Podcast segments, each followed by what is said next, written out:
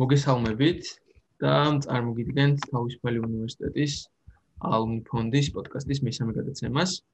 ოდნავ ხანგრძლივი პაუზა გქონდა ახალი წლების გამო, თუმცა ამ შუალედში მნიშვნელოვანი სიახლე გვაქვს. ჩვენს პირველ გამარჯვებულს 31 დეკემბერს უკვე საბოლოოდ დაუფინანსდა მისი 4 წლის სწავლის და 1 წლის სტიპენდიის თანხა. ამ ჯამში ალუმნი ფონდმა მაისის დასაწყისიდან როცა ასე ვთქვათ ოფიციალურად დაიწყეთ მუშაობა და ფუნქციონირება, შეაგროვა 15000 ლარზე მეტი. ამისთვის დიდი მადლობა გინდა გადავუხადოთ ჩვენს ყველა შემოწირულს, რადგან მათი დახმარების გარეშე ეს მოგლოდ არ გამოგვივიდოდა. ჩვენი მიზანი ახალი წლიდან რჩება იგივე. ჩვენ გსურს სოციალურად დაუცველი სტუდენტებისთვის გავაჩინოთ მეტი შესაძლებლობა თავისუფალ უნივერსიტეტში სწავლის პერიოდში. არისთვისაც თანხების შეგროვებას, რა თქმა უნდა, ისევ ვაგრძელებთ და ამ საქმეში ისევ გვაქვს თქვენი იმედი. ამ რაც ეხება თქონდელ გადაცემას და სტუმარს, ამაზე უკა გვისაუბრება. დღევანდელი გადაცემის სტუმარია ანა მელიშვილი, მართვის სკოლის კურსდამთავრებული. ანა ამჟამად ტრენტოს უნივერსიტეტის ტვინისა და გონემის კვლევითი ცენტრის კოგნიტური ნეირომეცნიერებების სამაგისტრო პროგრამაზე სწავლობს.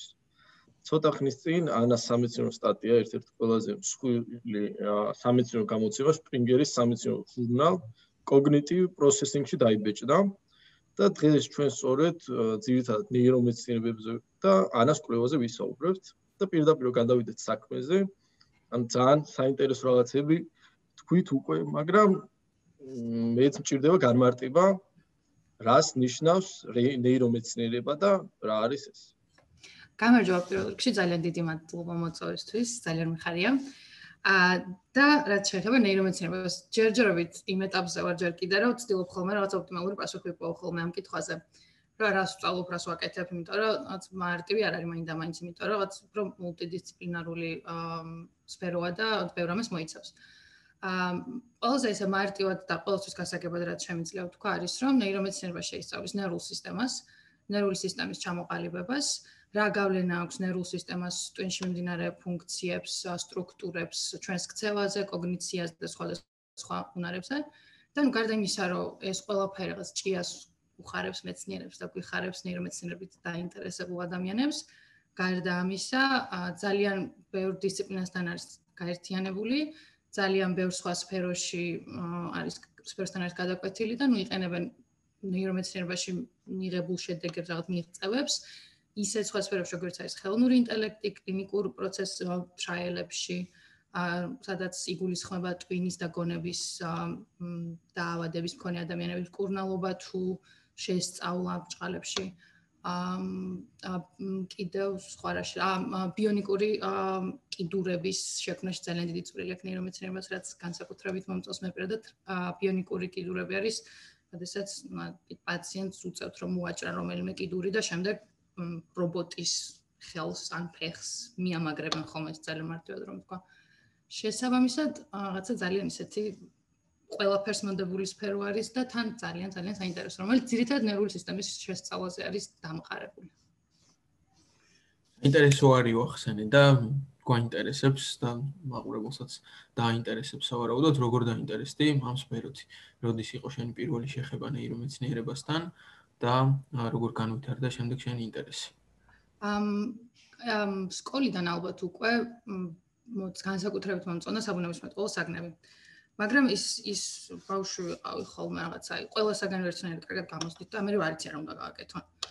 და ეს ეს დავრჩი მეც რა ვიცი რა უნდა მეკეთებინა, მაგრამ ნუ ეს მახსოვდა სულ რაღაც სამ განსაკუთრებით ბიოლოგია ძალიან მიყვარდა ხოლმე. თან მომწონდა რაღაც ფსიქოლოგია და ესეთი საგნებიც მიზიდავდა. და მართლაზე რომ ჩავაბარე უკვე გამომდინარე იქიდან რომ ყველაფერს მიმედმოვედეთ და ყველაფერი ვნახეთ რა და როგორ იყო. მესამე კურსიდან უკვე რომ გვიწევს რაღაცა თითქოს საგნების არჩევა რაც გაძლევს საშუალებას რომ დავიწრობდე იმ სფეროში რაც დაგაინტერესა დაგაინტერესა მივხვდი რომ რაღაცა ხელი გამირბოდა ხოლმე სუ ისეთი საგნებისკენ როგორიც რაღაც კოგნიტური ფსიქოლოგია გონების ფილოსოფია რაღაც ესეთი საგნები და მან უკვე დავიწყე რაღაცების კითხვა, რაც კლასშიც თავაზობდნენ ჩვენი ლექტორები, კლას გარეშეც რაც ვიდეოს უყურებდი და ნელ-ნელა ნელ-ნელა მივედი რაღაცა ესე ძებნა ძებნით. მივედი ამ სფერომდე, რომელიც არსებობა მანამდე არ ვიცოდენ რო ვაბარებდი, მაშინ წარმოდგენა არ მქონდა, რომ ეს სფერო ესე ცალკე იყო დისციპლინა. და ზუსტად ესე პირველად რო ნახე რომ ნეირომეცნიერება სიტყვა რო წავიკითხე მეთქი ეს სად ჩავეწერო რომ ეს ვაკეთო ცხოვრებაში თუ შეიძლება და სიტყვა მომეწონა ჯერ თვითონ ძალიან მიუხედავად იმისა რომ უკან ჯერ ზუსტად არ ვიცოდი რა ედა ამ ყველაფერს. და მე ამის მერე უკვე დავიწყო მართლა ისეთ ცეგნები ავირჩიე უნივერსიტეტშიც რაც მეტნაკლებად ეხებოდა ნეირომეცნიერების კურსიც მქონდა რომელსაც ასევე მართვის სკოლის კურს დამთავრებული ანო ჩხაიძე გვასწავლიდა. და იყო რაღაც საგნები რომელიც შეიძლება რა კოგნიტური და კულტურული ფსიქოლოგია და გავლით მაინც ეხება ამ ყველაფერს. ამ შემდეგ საბაკალავრო ნაშრომიც გადავწყვიტე რომ რადგან მინდოდა სამაგისტრო სადოქტორო პროგრამებზე ამ სფეროში გაგრძელება სამაგისტრო ნაშრომიც შესაბამისად ამ სფეროში გადავწყვიტე რომ დამეწერა და ამაში დამეხმარა ჩვენი უნივერსიტეტის კოგნიტური ნეირომეცნიერების ინსტიტუტი. მთავარი უფროს მეცნიერი მარინა კუნჭულია კერძოდ რომელიც ჩემი ხელმძღვანელი იყო და არ ვიცი ადამ ამ ადამიანმა ფეხზე დამაყენა მართლა იმიტომ რომ წარმოდგენა არ მქონდა მართვიდან რომ რაღაც ეს ესე გადაუხვია უცბად სადღაც და მეცნიერებაში გადავწყვიტე გაჭრა რა უნდა მეკეთებინა. და ნუ რასაც თქვი გამომზარდა ესე. მას სწავლა ძალიან ბევრი რამე და შესაძლოა საბაკალავრო ნაშრომი დავწერე მასთან თანამშრომლობით. აა სადაც ჩავატარეთ კვლევა ჩვენთან უნივერსიტეტში. და ნუ შესაძლოა ნაშრომიც ამ კვირაზე დაყრდნობით დაიწერა. აა ეს იყო ჩემი პირველი ნაბიჯები თუ შეხება ამ სფეროსთან და რა ვიცი ძალიან დიდი როლი ითამაშა, იმიტომ რომ ძალიან მნიშვნელოვანი არის პირადი გამოცდილებები და რაც შემიძლია თქვა აკადემიურ სფეროში ვინ ყავს ხელმძღვანელი ზედამხედველი ვინც არის ვინც შეიძლება რომ სწორ გზაზე დაგაყენოს. გარდა იმისა რომ კარგი პროფესიონალი უნდა იყოს და სფეროში ჩახედული ცხადია, მნიშვნელოვანი არის ძალიან რომ ურთიერთობა კარგად გამოსდიოდეს, ძალიან კარგად შეეძლოს, რაღაცა გაგზარდოს და არა იმას ქნას რაღაცა გითხრას უბრალოდ რაღაცები რაც შეიძლება მექანიკურად აკეთო. შესაბამისად, ჩემ შემთხვევაში ძალიან კარგი იყო ეს პირველი შეხება სფეროსთან, ძალიან სასიამოვნო იყო და მარიკა თუმისნეს, გამარჯობა მარიკა. აა და არ ვიცი, ანუ განსაკუთრებით მნიშვნელოვანი არის ხოლმე ეს ეს პირველი ნაბიჯები. მით უმეტეს თუ გიწევს რაღაცა ცოტა გადასვლა იმ სფეროდან, რაც თავიდან ქონა იდეაში გათვლილი. ხო, მახსენე რომ მართვის სკოლაში ასე ვთქვათ მიღებული ცოდნისგან განსხვავებული გამოცდილება არის ნეირომეცნიერება, რომელსაც შენ დაინტერესდი. ამაზე რომ მოგვიყვა ეს შეკითხვა, შეიძლება გვიან გვინდა და დაგვიშვა, მაგრამ რადგან შეეხე ამაზე რომ ისაუბრო, ხშირად ლაპარაკობენ იმაზე, რომ არ ვიცით რა გამოვდივართ მართვის სკოლის დამთავრების შემდეგ. იქიდან გამომდინარე, რომ ინტერდისციპლინარული პროგრამა არის და ბევრი სხვა სხვა დისციპლინა ერთიანდება აი 4 წელში, რომელსაც ამ პროგრამის ფარგლებში ვატარებთ. შენ შენს გამოცდილებაზე რომ მოგვიყვე, როგორ დაგეხმარა მართვის სკოლაში მიღებული ცოდნა იმაში, რომ შემდეგ კარიერულად და ესე ვთქვათ, ცოდნის მიერად განვითარებულიყავი ისე როგორც განვითარდი. ხო ეს ეს არის ქვია ჩვენ ჩვენზე რა არ ვიცით რა გამოვალთ მართვაზე ხუმრობები დაუსრულებელი მაგრამ თავარი ანუ მნიშვნელოვანი ნაწილი რაც მართვის სკოლა მე პირადად მომცა არის ის რომ როგორც თავიდან მახსენა ზუსტად წარმოდგენა არ მქონდა რამე გამეკეთებინა. ელემენტარულად იმიტომ რომ რაც ეკონომიკა არ ვიცოდი მე რომ 17 წლის ამ სკოლა დავამთავრე რას შეისწავლა ეს როგორც დისციპლინა არ ვიცოდი სამართალი არ ვიცოდი ესე რა იყო და შესაბამისად რომ ამდგარიყო მე და სამართალო ჩამბარბინა იმიტომ რომ რა ვიბები აბარებს რასაც ალბათ ბევრი ადამიანი აკეთებს ძალიან უბედური ვიქნებოდი მე. არაფერი პირადული უბრალოდ ჩემთვის სამართალი არ არ არის ჩემი სფერო არ არის. ა შესაბამისად მართვის სკოლა მომცა იმის საშუალება რომ მე ნახა ზუსტად რა მაინტერესებს რა არ მაინტერესებს მომცა დრო ბჭყალებში იმისთვის რომ გადამეწყვიტა რის იკეთება მინდა ნამდვილად. და ამასობაში თან ესე საქმურად არ ვიჯექი ვიღებდი განათლებას სხვადასხვა სფეროებში რაც ძალიან სასიამოვნოა იმიტომ რომ ახლა ელემენტარულად აი საერთაშორისო გარემოში რომ ვარ და მართლა მთელი სოფლიოდან ყავს ჯგუფელები და რომ დავსხდებით ლაპარაკობთ რაღაცაზე აი ძალიან ელემენტარული ნებისმიერ რამეზე შემიძლია ამ ადამიანებს აუყელაპარაკში ნებისმიერ თემაზე რაც ილაპარაკებენ ზოგს რაღაცა ეკონომიკური ბექგრაუნდიც აქვს ჩემს იმაზე ჯგუფში. და ანუ რაღაც ძალიან სასიამოვნოა რომ წარმოდგენა მაქვს ანუ ცოტ-ცოტათი ყველაფერზე რაც გარშემო ხდება და იმის საშუალებაც მქონდა მე პირადად რომ შემდეგ რაც დამევიწროებინა ჩემი მიმართულება. ა ერთ რამეს მომხმოს სულ რომ მართვაზე რომ აბარებ იმდენად ესეთი მრავალფეროვანია რომ შეიძლება რომ კიდევ უფრო უარესად დაგაბნიოს და ან კიდევ გაპონინებს მართლა რა გაინტერესებს მაგრამ სულ მცირე აი სულ მცირე რაც არის იმას გაიგებ რა არ გინდა რომ აკეთო და ეგ ძალიან მნიშვნელოვანია ჩემი აზრით იცოდე რა არ გინდა რომ აკეთო იმიტომ რომ რაღაცა გვაქვს ეს ტენდენცია რაღაც სამი ძირითადი ფაკულტეტი სადაც ყველა აპარებს ხოლმე იმიტომ რაღაცა პრესტიჟულად ითვლება და მე უბედური ბავშვების ხედან და მედიცინას სწავლობენ, თუმცა საერთოდ არ აინტერესებს. ამ ხრივ ფიქრობ, რომ მე გამიმართლა, რომ სადღაც არ წავედი, არ ვიცი. სხვა ფაკულტეტზე სადმე. არ ვიცი, სად შეიძლება და ხარ მინდა ვინმეს პირადად შევეხო კარიერულ იმაზე, გადაწყვეტილებაზე, მაგრამ ხო რაღაც ეს ეს ნაწილი განსაკუთრებით მომწონს მართვის და ჩემთვის პირადად ძალიან ძალიან დიდი პლუსი იყო რომ 4 წელი არ გავფლანგე, ბევრი განათლება მივიღე, სხვადასხვა სფეროში მივიღე განათლება და მე თვითონაც ტიპი ვარ ესეთი რომ რაღაცა მიდა მოდება მიყვარს რაღაცებს რაღაცა ერთი კონკრეტული ასე თავჩახრილი რაღაცა სწავლა არ მიყვარს, რაღაცას თუ სწავლობაც. გარშემო მიყვარს ინფორმაციის მიღებაც და ამ ხრივ ძალიან ძალიან გამოსადეგი იყო მართვის სკოლა და მართვა ძალიან სწორი არჩევანი იყო ჩემთვის პირადად. რო დაუბრუნდეთ ისე შენ ინტერესს ბეროს ნეირომეცინებებს, როგორც თქვით, ცოტა ხნის წინ სამეცნიერო ჟურნალში გამოქვეყნა შენი კვლევა და რომ მოგვიყვე შენი კვლევის შესახებ, რომელსაც მედალიონიც გავეცანით, მართალია. არც მარტივი იყო გასაგებად. ამიტომ ოთრო შენ უკეთ გვიხსნა. ვიცადე და ა შინარსაც ვისაუბრო საუბრაოდოთ ხო? რაზე იყო კი მე მგონი საინტერესო იქნება კი ბატონო მაქსიმალურად ეს შეშოცდები ადამიანურ ენაზე ახსნა იმიტომ რომ ცოტა გამეკცევა ხოლმე და გადავდივარ რაღაც არაადეკვატურობებში ცოტა აა ხო ანუ მე იმას ვიტყვი რომ ეს იყო სულად სამეცნიერო სტატია და არა რაღაც ნებისმიერისთვის. არა შარლატანობა. ამ როგორც არ ვიცი ახსენეთ თუ არა გამომეორებ ეს სტატია დაწერილი არის ჩემს საბაკალავრო ნაშრომზე. საბაკალავრო ნაშრომი შეეხებოდა ჩემს საბაკალავრო ნაშრომი ტემპორალური კოგნიციის გავლენას ანუ დროს როგორ აღვიქვამთ მარტივად რომ თქვა ძალიან ზოგადად ამის გავლენა რა გავლენა აქვს ტემპორალურ კოგნიციაზე დადებით ემოციებს და კაი ხასიათზე ყოფნას ესეც მარტივად და უფრო ესე რო თქვა აა კლევის დიზაინზე ალბათ არ ჩაუღრმავდები, იმიტომ რომ საინტერესო არ იქნება. ერთადერთი რაც უწევდათ ჩემს პირს, ამას ესე თვითონ თუ ვინმეს ეს სფერო აინტერესებს, რაღაცა ნახოს, გაიგოს ექსპერიმენტის და კლევის ჩატარების ასე თქოს ყოველდღიურობა რა შეიძლება იყოს. ამ ჩემს ცდის პირს ერთადერთი რაც ევალებოდა, თუნდაც ერთადად ჩემ მეგობრები იყვნენ და ძალიან დიდი მადლობა მათ. ამ ლაბორატორიაში ჩემთანაც მოვიდოდნენ, უწევდათ რაღაც ფორმების შევსება, რაც აუცილებელი ნაწილი არის ექსპერიმენტის ჩასატარებლად, თანხმობის ფორმა, კონფიდენციალურობაზე ხელის მოწერა, რომ შენს ინფორმაციას მე არსად არ გამოვიყენებ, თავს თუ ცუდად იქ ზონ შეგილენები ისმენ დროს დატოვა ექსპერიმენტი აბსოლუტურად ნებაყოფლობითია ყველაფერი. და აი ამ ყველაფრის მერე მქონდა რამდენიმე კითხვარიც, რითიც განწყობას უმოწმებდით ჩვენს ცდის პირებს სამდე და შემდეგ.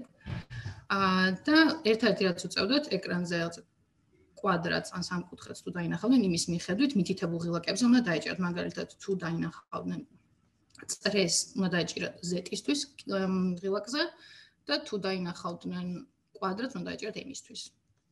ჩემს წესს რეალურად ეს მხოლოდ სხვა არაფერი მათ არ იცოდნენ. აა და იმისთვის რომ გაგვეგოთ ადებით ემოციებს რა გავლენა აქვს, გავყავით შემთხვევითობის პრინციპით ჩვენი ცდის პირები ორ ნაწილად, ნეიტრალურ და პოზიტიურ ჯგუფებში გადავანაწილეთ და განსხვავება ის იყო, რომ პოზიტიურ ჯგუფებს დადებითად მუხტავდით. იმ გაგებით რომ დასამუხტის საშუალება და მეთოდი იყო, მათ უნდა გაიხსენებინათ რაღაც ძალიან ბედნიერი მოგონება, რაც დღემდე ბედნიერად აგზრომინებს თავს და 5 წუთის განმავლობაში უნდა ეწერათ ამაზე მაქსიმალურად დეტალებში. და სხვა კვლევებით ნაჩვენები არის როგორი წოს აა მსგავსი ქმედებები ტვინის იმ რეგიონების გააქტივებას და გააქტივაციას რაცაც ჩვეულებრივად აი ამ რაღაც მაგალითად არ ვიცი დედა ვნახე დიდი ხნის შემდეგ და რასაც აი ამ დროს ჩემი ტვინი განიცდიდა და როგორ როგორი რეგიონებიც ინთებოდა ბჭყალებში აი ამ მომენტის ძალიან დეტალურად გახსენებისასაც იგივე რეგიონები ინთება. რაც ძალიან საინტერესოა და წარმოსახვის შესწავლა კიდე წარმოსახვის უნარის შესწავლა ძალიან ძალკე კარგი სფერო არის ნეირომეცნიერებაში. აა და შესაბამისად ამაზე დაყრდნობით შევეცადეთ გაგვიგო რა რა გავლენა შეიძლება გქონდეს, გქონდა ჩვენი ჰიპოთეზა, რომლის მიხედვითაც აა დადებით დადებით ხას ხასიათზე, კარგ ხასიათზე ყოფ ადამიანებს უფრო მ ეფექტი უნდა ქონდეთ რა ეფექტსაც ჩვენ ველოდებოდით მათთვის დროში შედარებით ახლოს მყოფნებს სიმ კიუს როგორ ვიტყვი ქართულად აა სიგნალებზე და შესაბამისად მათი რეაქცია უფრო ბრჭყალებში სწრაფი უნდა ყოფილიყო, როდესაც მოკლეხნიანი წინა პერიოდი ჰქონდათ ამ გადაწყვეტილების მისაღებად. აა ყველაზე მოკლედ და შედარებით მარტივად ესე შემიძლია ახსნა ჩვენი ექსპერიმენტული დიზაინი. აა ამის შემდეგ დაიწერა სტატია აა ამ ყველაფერს რასაც რაც ხდება და რასაც უყვები ძალიან ძალიან დიდი წვლილი აქვს ჩემს ხელმძღვანელს ისევ, რომელსაც მართლა არ ვიცი ძალიან დიდი მადლობა მინდა გადაუხადო და აი არ ვიცი როგორ შეიძლება რომ გაუსვა ხაზი და როგორ გავამუქო და გავა დიდი ასოებით დავწერო რამდენად დიდი მნიშვნელობა აქვს ხელმძღვანელს რამდენად დიდი მნიშვნელობა აქვს ადამიანს ვინც გეხმარება აკადემიაში თავის დამკვიდრებაში. ძალიან დიდი მნიშვნელობა აქვს და ძალიან დიდი მადლობა ჩემს ხელმძღვანელს მარიკას კიდევ ერთხელ. ამ ამის შემდეგ რაც მოვრჩით საბაკალავრო ნაშრომს და ჩავაბარე დავიწყე მუშაობა იმავე ინსტიტუტში. ერთი წლის განმავლობაში მუშაობდი. სხვადასხვა კვლევებზე ძალიან საინტერესო იყო და ალბათ ძალიან პირველი ჩემ ლაბორატორიული გამოცდილება. ნამდვილ ესეთ საერთაშორისო კვლევაში, რომ კვლევებს ვატარებდით შვეიცარიის და გერმანიის უნივერსიტეტებთან კოლაბორაციაში. მქონდა ეს ეს ეს გამოცდილება და ძალიან საინტერესო იყო. და აი ამ პერიოდის განმავლობაში დაიწერა შემდეგ სტატიაც, რომელიც წინა წლის თებერვალში უკვე დავიწყეთ გაგზავნა ამ სტატიის. თუმცა სტატიის დასაბმითება და და და დაკიცება საკმაოდ ხანგრძლივი პროცესი არის. აა გაგზავნის სტატიას მე ადამიანები ვინც ამას ამოწმებენ, გიბრუნებენ შენიშვნებით, მე ისევ აგზავნი მე შენიშვნებით, გებო თუ გაგიმართო პირველივეზე გახვალ და არ დაგიბრუნებს არავინ არაფერს, მაგრამ როგორც წესი, ეს გასვლა გამოცვლის პროცესი არის ხოლმე. და წელს უკვე ნოემბერში დაგვიდასტურეს სტატიაც დაახლოებით რამდენიმე 9 თვის მერე ალბათ. არ ვიცი ძალიან ძალიან ძალიან ძალიან სასიამოვნო გზნობა არის სადღაც იქ რაღაცა არის და ჩემს სახელი აწერიაზე ძალიან მიხარია. და არ ვიცი ანუ საუკეთესო გამოცდილება იყო ჯერჯერობით რაც ქონია ალბათ იმიტომ რომ რაღაც დიდია მაინც და რაღაც ისეთი ჩანს. აა შესაბამისად ხო არ ვიცი ძალიან მოხარული ვარ. ანა სამეცნიერო საქმიანობაზე კიდე კითხავთ მაგამდე შენ კლუბს რო დაუბრუნდე აი თუ შეიძლება განგვიმარტო აი რა კავშირი იყო თქვი რომ წრეებს და სამკუთხედებს ირჩევენ და აი კარგი ხასიათს და ცუდ ხასიათს შორის კი აჰა მაშინ უფრო დეტალურად მოყვება მაგას როგორც წესი არ ჩავდივარ ხოლმე სიღრმეში იმიტომ რომ ცოტა რთული მექანიზმი არის. მაგრამ რადგან მკითხე ჩაავუღმავდები იმიტომ რომ მეც თავიდან გამიჭირდა გაგება რას ვაკეთებდი საერთოდ მეეოდა ხომ ეთი აქ ესე იგი რა ხდება? აა ესე იგი. აა მას შემდეგ რაც ჩემს დისპირებს ეს შემთხვევითობის პრინციპით ორ ჯგუფად დავყვავდი მაგრამ ორ ჯგუფად და მეორე ჯგუფს გაახსენეთ ცუდი ამბები ხო არა მეორეს ნეიტრალური. ჩემამდე როგორ მოხვედი? ოღონდ სათოში თუ იდექი მაგას ნულა მიწერი იმიტომ რომ ცუდ ხასიათზე დადგები. მინდა და კონტროლ ჯგუფი ნეიტრალური ჯგუფი. და მინდოდა ეს ხალხი რა ძალიან ჩაოლებრივ ხასიათზე ყოფილიყო არაფერი განსაკუთრებული და მაქსიმალურად ჩაოლებრივი დღე გაიხსენეთ. მე თუ გინდათ გრაფიკით ჩამომიწერეთ ამ დროს გავიღვიძე რაღაც. მაქსიმალურად რომ არაფერი განსხვავებულზე არ იფიქროთ და ნუ დადებით ცი ჯგუფის წევრებს ეს ეს უთხარი განსხვავება სხვა არაფერი არ იყო ამ ორ ჯგუფის ამ ორი ამ ორი ჯგუფის ექსპერიმენტებს შორის აბსოლუტურად ერთნაირად მიმდინარეობდა თვითონ ექსპერიმენტული დიზაინი იყო ასეთი აა გქონდა ორი წინა პერიოდი. ანუ წინა პერიოდი ნიშნავს ეკრანზე თავიდან ჩდება საფიქსაციო ჯვარი, რომელსაც უნდა უყურონ დისპირებმა, რომ დაწემული ვიყოთ, რომ იგიყურებიან სადაც გვინდა. აა და ამის შემდეგ ეკრანზე გამოჩნდებოდა ან წრე, ან კვადრატი. ან ერთი ან მეორე. ეს იცოდნენ უკვე.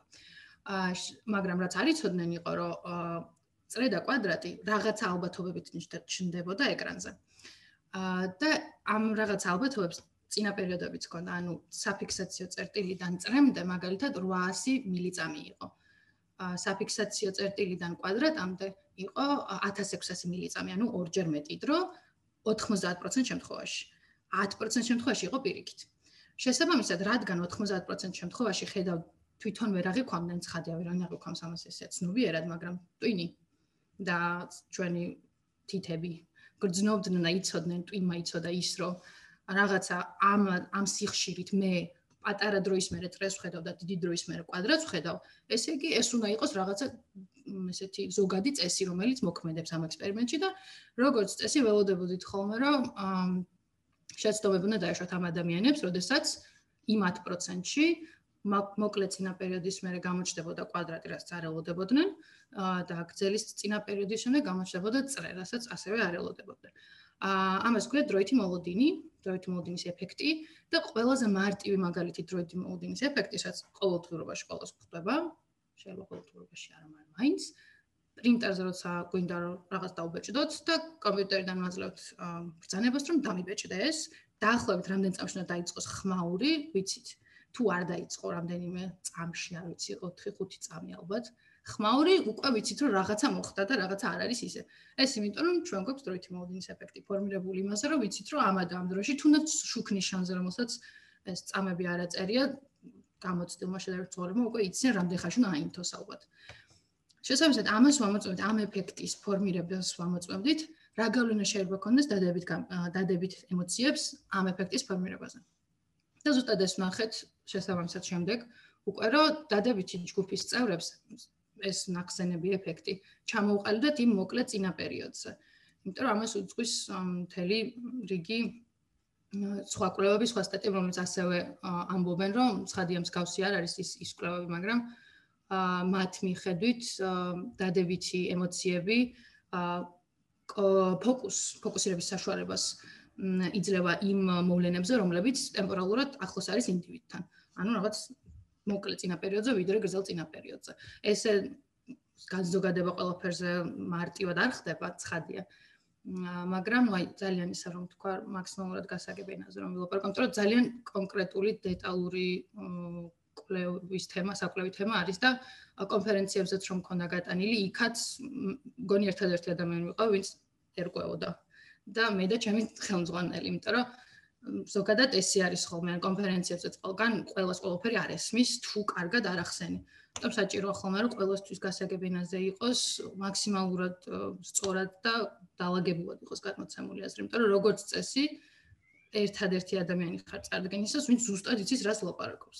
და ამიტომ ძალიან სწორად უნდა სიტყვებს შერჩევა და შედარებით გასაგებენაზეც, რომ მარტო ტერმინებით ლაპარაკი თუნდაც სამეცნიერო წრეებშიც ცოტა გაჩნია ხა კონფერენციასაც, მაგრამ როგორც წესი, ესეთი არამიზა შეწოდილია ხოლმე. ძალიან საინტერესო არის. მე ხარო მოგვიყვე შენი გამოცდილებით რა არის საჭირო სამეცნიერო საქმიანობისთვის და ესეთ მაღალი რეფერირების მქონე ჟურნალებში, ესე ვთქვათ, სტატიების გამოქვეყნებისთვის, იმიტომ რომ ეს ვინც ოდნავ მაინც შეხედული არის ამ სფეროში, რასაც აკადემია ქვია, ყველა მიცის, რომ მარტივი საქმე არ არის, მოკლედ ეს ამბავი და რჩეულების ხვედრია. ნამდვილად ესეთ და დიდი მოთმინება სჭირდება ხოლმე. ნამდვილად, ნამდვილად და აი ამაზე როგორ საუბრო, რაღაც უნარებზე, ყოველდღიურ რუტინაზე, როგორი გამოცდილება არის ყველაფერი და შენ რას ურჩევდი იმ ადამიანებს, რომლებიც ამ მიმართულებით აპირებენ განვითარებას? ამ პირველი თვისებარაც თვისება რა რამერაც ნოვაკეთოთ რაც მომდის თავში აი სუპირველი არის სისტემატიურობა. სისტემატიურობის garaშე ალბათ არც ერთ სფეროში რთულია უბრალოდ ყოველ შემთხვევაში. სისტემატიურობაში უგულისხმობ იმას, რომ მაგალითად სისტემატიურად მე პირადად ვფიქრობ, რომ სტატიები ვიკითხო რომელიც ჩემს სფეროს უკავშირდება. აუცილებელი არ არის იყოს იმ კონკრეტულ მიმართულებაზე, რაც მე მინდა ვაკეთო, ნებისმიერი რამე, იმიტომ რომ ტვინს აცდება. აა სისტემატიურობა არის აუცილებელი ლაბორატორიულ საქმიანობაში და ძალიან კარგი არის თუ შეხება გაქვს აი ესე ფიზიკურად ლაბორატორიასთან ძალიან დიდი გამოცდილება არის, როცა პირადად აკეთებ. ერთია რომ შეგიძლია თეორიულად იკითხო ძალიან ბევრი, თეორიულად ნახო ექსპერიმენტული დიზაინების სხვადასხვა კვლევის, წარმოიდგინო როგორი იქნება, მაგრამ როდესაც პირადად ფიზიკური შეხება გაქვს თუნდაც იმ მექანიზმებთან, ტვინის გასაშუქებელ მექანიზმებთან, რაც ჩემი საყვარელი ნაწილი არის მეცნიერობის რომ გვაქვს ეს რაღაც უზარმაზარი რობოტები, гаджеტები, რომლებიც თვეში ჩახედვის საშუალებას გვაძლევს და ძალიან ძალიან მაგარი რამეა. და როცა პირადად გაქვს ასეთ ლაბორატორიასთან ზოგადად შეხება, ძალიან გამოსადეგი არის ეს იმ ხრივ რომ გავითარებს ბევრად სწრაფად და ბევრად კარგად, ვიდრე უბრალოდ ზიხარ და წიგნებს კითხულობ, რაც აუცილებლად ძალიან მნიშვნელოვანი არის. აა გარდა ამისა, წელს ხო სამწუხაროდ კიდევ რაც არის კორონას სიტუაციის გამო ლაბორატორია თვალით არ მინახავს. შორიდან ვაკეთებ სახლიდან მეცნიერებას ამ ოთახიდან. რაც ძალიან კულტურსაწყვეტი ამბავი არის, მაგრამ ნუ რას ვისამთ. თუმცა აა კიდევ ერთი მნიშვნელოვანი ნაწილი მეცნიერული ყოველდღიურობის შეიძლება ითქვას არის გარდა იმისა, რომ ექსპერიმენტს გეგმავთ, ბევრს კითხულობთ, ვიცით რას ვაკეთებთ და ვაგროვებთ ამ ჩვენს მონაცემებს, მნიშვნელოვანია ამ მონაცემების ანალიზი შემდეგ. აა რაც ძალიან მრავალფეროვანი არის, სხვადასხვა არის ძალიან ბევრნაირ სოლც ვიყენებთ, ძალიან ბევრნაირ მიმართულება არსებობს, რაც ახალ-ახალი აა გზები იგეგმება ანალიზის რაღაცა ყოველდღიურად რო ვიღუცებ შეიძლება რაღაცა ახალი დამხვდეს და ძალიან მიხარია ხოლმე ეს. შესაბამისად, მონაცემის ანალიზი ერთ-ერთი ძალიან მნიშვნელოვანი ნაწილი არის ყოველდღიურობის, სადაც მე შედარებით მოვიკოჭრებდი, იმიტომ რომ მანამდე არ მქონია ესეთი განსაკუთრებული შეხება ჩემი საბაკალავრო ნაშრომის გარდა. და ბევრი მუშაობა მიწევს ამაზე და ეხლაც სააბედნიეროდ ჩემი ინტერნშიპის სტაჟირების დროს, რაც ჩვენი კურიკულუმის დიდი ნაწილი არის, ზუსტად ამას ვაკეთებ მონაცემთა ანალიზს ერთ-ერთი კვლევისთვის, რაც ძალიან ძალიან კარგია. აა ვისაც სამეცნიერო სფერო აინტერესებს, აა ურჩევდი, რას აა გაბედულები უნდა ვიყოთ პირველ რიგში, იმიტომ რომ მე პირადად აა არ მქონდა იმის დიდი საფუძველი, რომ ამდღარიყავი და ესე ყარად გადამეწყვეტა, რომ აი მე მოდით მეცნიერი, იმიტომ რომ გამოვიდე, იმიტომ რომ ძალიან ბევრი ფაქტორი მიშლი და ხელს იმხრივ, რომ რაღაცა პირველი იყო რეაქციები, რასაც ვიღებდი, რომ მეცნიერება მე მე რას ის ამ ანუ სად უნდა იმუშაო და ხელფასი როგორი გექნება? აი პირველი კითხვა იყო ხოლმე ეს აი გაშტარებული ვიყავი არ რა აი არ ვიცი. საქართველოს მე მე როგორი მუშაობ მე და დაფიქრდი კარგად აი ეს დირექციებიც მოდიოდა ხოლმე რაც შეკითხვა რაც მაგ მიმართულებით გამიგია საინტერესო არის პედაგოგის ხელფასი გექნება ანუ ეგ ეგ ჯერ არ უკითხავთ, მაგრამ ნუ ხო, აუცილებლად ძალიან мотиваციის დამგდები არის ცხადია, გადამწყვეტი მნიშვნელობა არ აქვს, მაგრამ როცა რაღაცა იმაზე გაახტაცებული ამ მეცნიერი მინდა გამოვიდე, უცბა და და მე პედაგოგის ხალხას იქნება კითხვა რაღაცა ცოტა ხო და არ არ ვიცი. იყო რაღაც ესეთი ისიც რომ საქართველოში არც ისწავლება ჩემი სფერო რაც მე ვიცი ეს არ ისწავლება. აა ფაკულტეტი არის სადაც შეგიძლია ჩახბარო ნეირომეცნიერება ისწავლო. თუმცა არის კვლევითი ცენტრები. გარდა ჩვენი უნივერსიტეტისა ილიას უნივერსიტეტში არის და აა პერიტაშვილის ცენტრშიც არის სადაც კონფერენციები სტარდება ხოლმე და შედარებით აქტიური საქმიანობაც არის. ამ ხრივ. აა მაგრამ ნუ განსაკუთრებით საქართველოსთან და ჩვენი ქვეყნიდან ვინცაც გადაწყვეტილი აქვს მეცნიერება დიდად ბევრი გასაგანი არ არის ხოლმე. აა შესაბამისად ძალიან მნიშვნელოვანი არის როგორც კი გადაწყვეტთ, ვინც გადაწყვეტთ რომ საზღვარგარეთ წახვიდეთ თუ სწავლა გინდათ, რომ ადრე თუ გიან მოუწევს ყველას. აა მნიშვნელოვანი არის რომ დროზე დავგეგმოთ ყველაფერი ერთი წლით ადრე დაახლოებით დავიწყე მე ჩემი პროგრამის ძებნა. აა ანა თუ შეიძლება შეგაწყვეტინებ ზუსტად ერთი კითხვა მქონდა ამასთან დაკავშირებით და მინდა ცოტა უფრო გავშალოთ ეს თემა. ანუ ჩვენ წინა პოდკასტებში ვიცაუბრეთ უცხოეთში ჩაბარებაზე. აა მაგრამ შენი ვითარება კიდევ უფრო განსაკუთრებულია, იმიტომ რომ სწავლობ ტვინისა და გონების კვლევით ცენტრში, რომელიც ახლა ის არა ჩვეულებრივი რაღაც MBA და ბიზნესი და იურიდიული არ არის, რომ ყოველმა ბიჭზე იყოს და აი რა განსაკუთრებულობა ახლავდა თან ამას და როგორ როგორ ჩააბარე, როგორ მოხვდი და რა გზაიარე აქამდე ესეც რო გითხრათ შეიძლება. კი ბატონო. აა როგორც ახსენე, ერთ დაახლოებით ერთ წელს ადრე დავიწყე ჩემი პროგრამის ძებნა. სხვადასხვა იმაზე მეტი ვიპოვეთ რა მეგონა, იმიტომ რომ მეც რაღაცა შედარებით ახალი აღმოჩენილი მქონდა სფერო, რო ძალკე დისციპლინა დარსებობს და რაღაც ველოდები რომ 1-2 იქნება, მაგრამ ძალიან ბევრია. განსაკუთრებით ამერიკაში ძალიან ბევრი ძალიან კარგი პროგრამა არის და ჩრდილოეთ ევროპაშიც. თან განსაკუთრებით იმიტომ უსვამ ამ ორ სამყაროს ამ ორ ნაწილს ხაზს, რომ ჩემი აზრით საუკეთესო ადგილებია მეცნიერების საკეთებლად.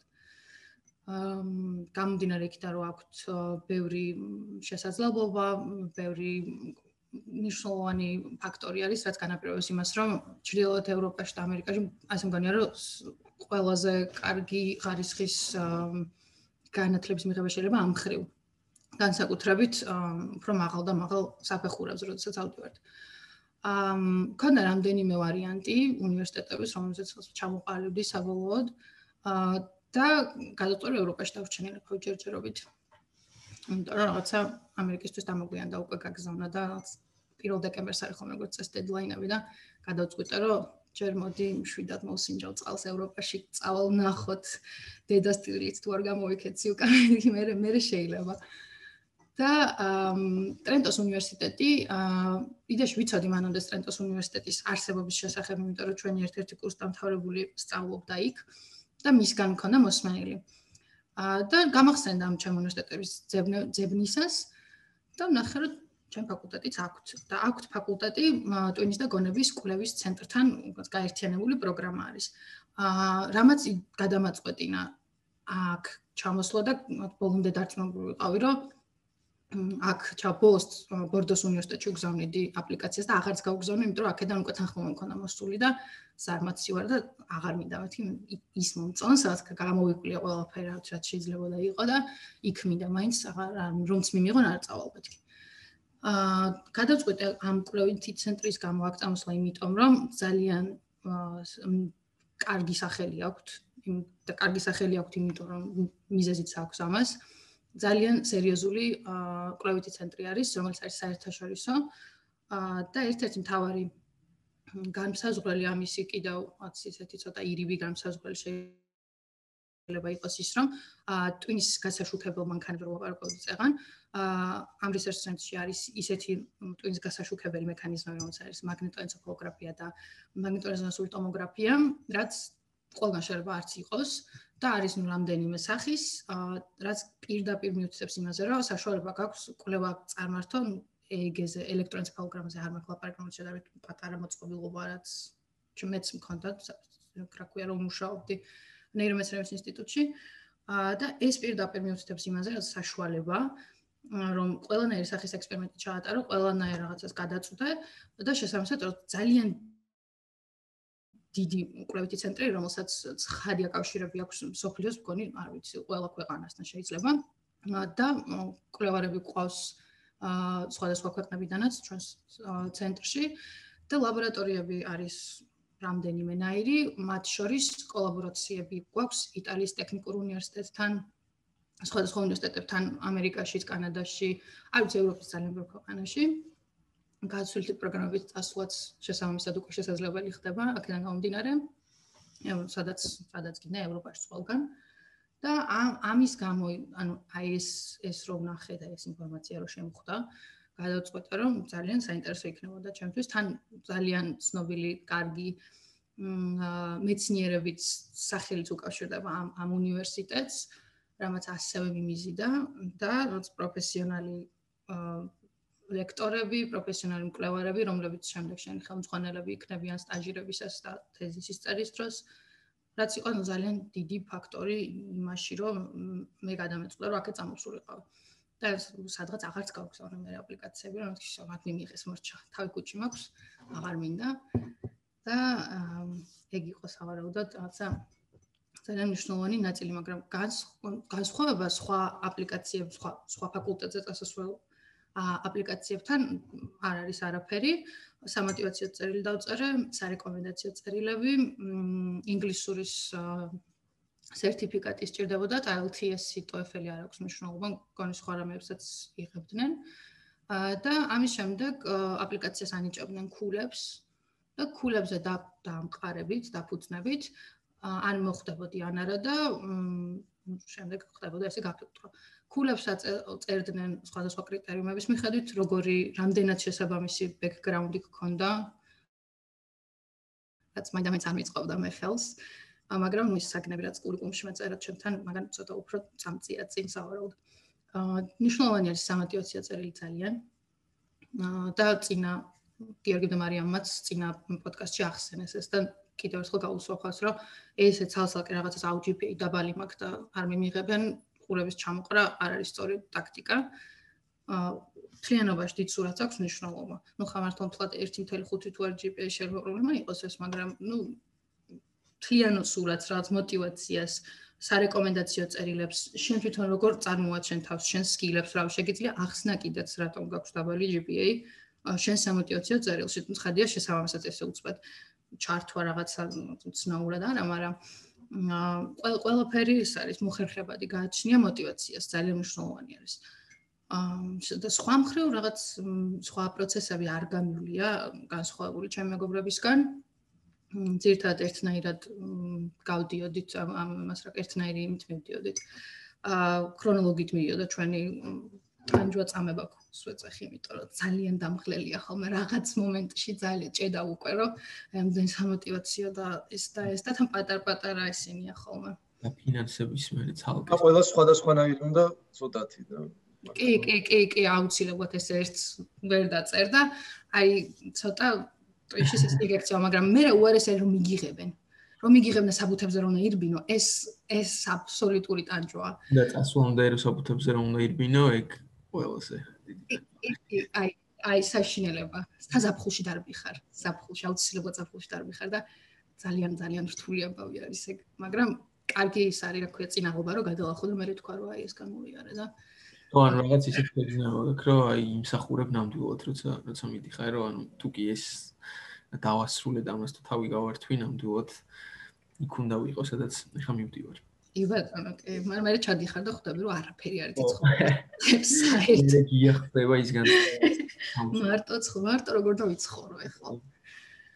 მაგრამ არ არის ხო ხუმრობ.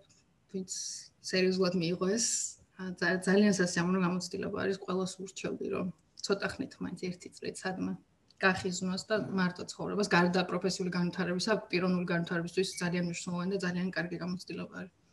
აუცილებლად. და ახლა დასასრულისკენ უნდა წავიყვანოთ ჩვენი საუბარი, ბოლო კითხვა მექნება შენს ამჟამინდელ საკვლევ ინტერესზე და სამომავლო გეგმებზე. რა გეგმები გაქვს ამ პროგრამის დასრულების შემდეგ? ახლა მე ვმუშაობ ერთ-ერთ ლაბორატორიაში, რომელიც არის Action and Cognition Lab, რომელსაც არის რაღაც მოქმედების და კოგნიციის ლაბორატორია. აა როგორც წეგან ახსენ ვაკეთებ მონაცემთა ანალიზს და მონაცემთა ანალიზს ვაკეთებ ხებ ძალიან საინტერესო კვლევაზე, რომელიც შეისწავლის, რომ ჩვენი ჩვენი რო გადავწყვეტ მე რას ხელი გავიშვირო, მარტივი მარტივი ქმედებით რომ დავიწყოთ, რომ გადავწყვეტ რომ ხელი გავიშვირო, ეს დაგეგმვა ხდება ისეთ ჭყალებში მარტივ ნაწილში ტვინის, როგორც არის ვიზუალური კორტექსი, რომელიც ვიზუალური ქერქი, რომელიც გვაქვს დაახლოებით ამ ადგილას და მიჩნეულია, რომ ამ ქერქის ფუნქცია ერთადერთი უნდა იყოს, რომ ფერი ფორმა, ზომა, სიღრმე გაარჩიოს ერთმანეთისგან და მე რო აღვიქვამ სამყაროს როგორადაც აღვიქვამ, უბრალოდ სურათს მაძლევს ეს ნაწილი ტვინის, მაგრამ ჩემი ხელმძღვანელის წინაკლებებში მან ნახა რომ აი ამ ზუსტად ქმედების დაგეგმვაც უკვე რომ ვიცი მე რას გავაკეთებ, აი ამ ნაწილში ხდება ტვინის, მოდი მიჩნეული იყო რომ მხოლოდ დასანახად გჭირდება. რაც ძალიან ძალიან საინტერესო რამე არის, ძალიან მნიშვნელოვანი არის. აა და ამ პროექტზე მუშაობით და მოტორული ფუნქციების ფუნქციებზე მუშაობით აა მინდა რომ გადავინაცვლო და ნელა ესე სუბუქად გადავიდე უფრო ტვინის დაავადებების კვლევებზე, როგორც არის მაგალითად პარკინსონის დაავადება. და ძალიან მაინტერესებს კლინიკური ნაწილი ნეირომედიცინების. მიუხედავად იმისა, რომ მაინდა-მაინც მართვის ბექგრაუნდი არ მიწყობს იმაში ხელს, რომ კლინიკურ პროცესებზე ვიმუშაო, кейსებზე ვიმუშაო. ეს NLL-ს საგნების არჩევით, კლინიკური ნეირო, როგორც ესეთ საგნების გავლით, მოტორულ ფუნქციებზე საგნების გავლით, აა ვცდილობ რომ უფრო გავიკულიო სააკეთ, იმიტომ რომ ძალიან მაინტერესებს კლინიკური მხარე ამ ყველაფრის. აა იყო რაღაცა პროექტიც პარკინსონზე, სადაც აყვანილი ვიყავი, უნდა დაგვეწყო მუშაობა, მაგრამ კორონა მოხდა და შეჩერდა თნიანი პროექტი, იმიტომ რომ ცდის პირებს ვერ მივიყვანით, ძალიან ძალიან კარგი პროექტი იყო თან და ნუ ვერავის სახელ ვერ გავდიოდით. და შესაძლოა ეგ ცოტა გადაიდო, მაგრამ ჩემი ძირითადი ინტერესი ახლა არის უფრო მოტორული ფუნქციები არის და მოტორულ ფუნქციების შესწავლით და მიღებული შედეგების იმპლიკაცია შემდეგ უკვე ისეთ დაავადებებზე და ტვინის დაავადებებზე, როგორც საკუთარ პარკინსონის დაავადება, ან სხვა სხვა სახის დემენციაში გაერთიანებულეს დაავადებები რაც შეიძლება იყოს. კი ბატონო, ძალიან საინტერესოა. ეს მე მგონი კარგი მაგალითი და პოდკასტი არის იმ ადამიანებისთვის, რომლებიც რაღაცნაირად არ არიან გადაწყვეტილები ჩააბარონ თუ არა თავისუფალ უნივერსიტეტში ან აერჩიონ თუ არა მართვის სკოლა. ანას მაგალითი მე და უკაც მართვის სკოლის კურსდამთავრებულები ვართ. წინა პირველ პოდკასტშიც მარიამ ხებრიშვილიც ამ სკოლიდან იყო. რაღაცნაირად გვინდოდა რომ ეს თქო პირველი მხები გაგვეულო ამ სკოლასთან ჩვენი პოდკასტის პარკლებში რაც მგონი შეიდგა და რაღაცნაირად უთხარით სტუდენტებს, მიმდინარე სტუდენტებს ან იმ ადამიანებს, რომლებიც ჩავარებას ფიქრობენ რომ შეეშინდეთ, გზა არის ძალიან ბევრი, ასე მრავალფეროვანი და ასე ვთქვათ, შესაძლებლობების საწყი, სადაც შეგვიძლია აღვიქვათ ამ სკოლაში სწავლა და ჩავარება. ანას უსურებთ ბევრ წარმატებას საომალო კარიერაში და კიდე ერთხელ დიდი მადლობა იმისთვის, რომ შენი დრო დაგვითმე. ანა ძალიან დიდი მადლობა, მე მგონი საინტერესო პოდკასტი გამოვიდა, საინტერესო კვლევის შესახებ გავიგეთ ბევრი ახალი ინფორმაცია და გისურვებ წარმატებებს სამომავლო სამეცნიერო საქმიანობაში. ძალიან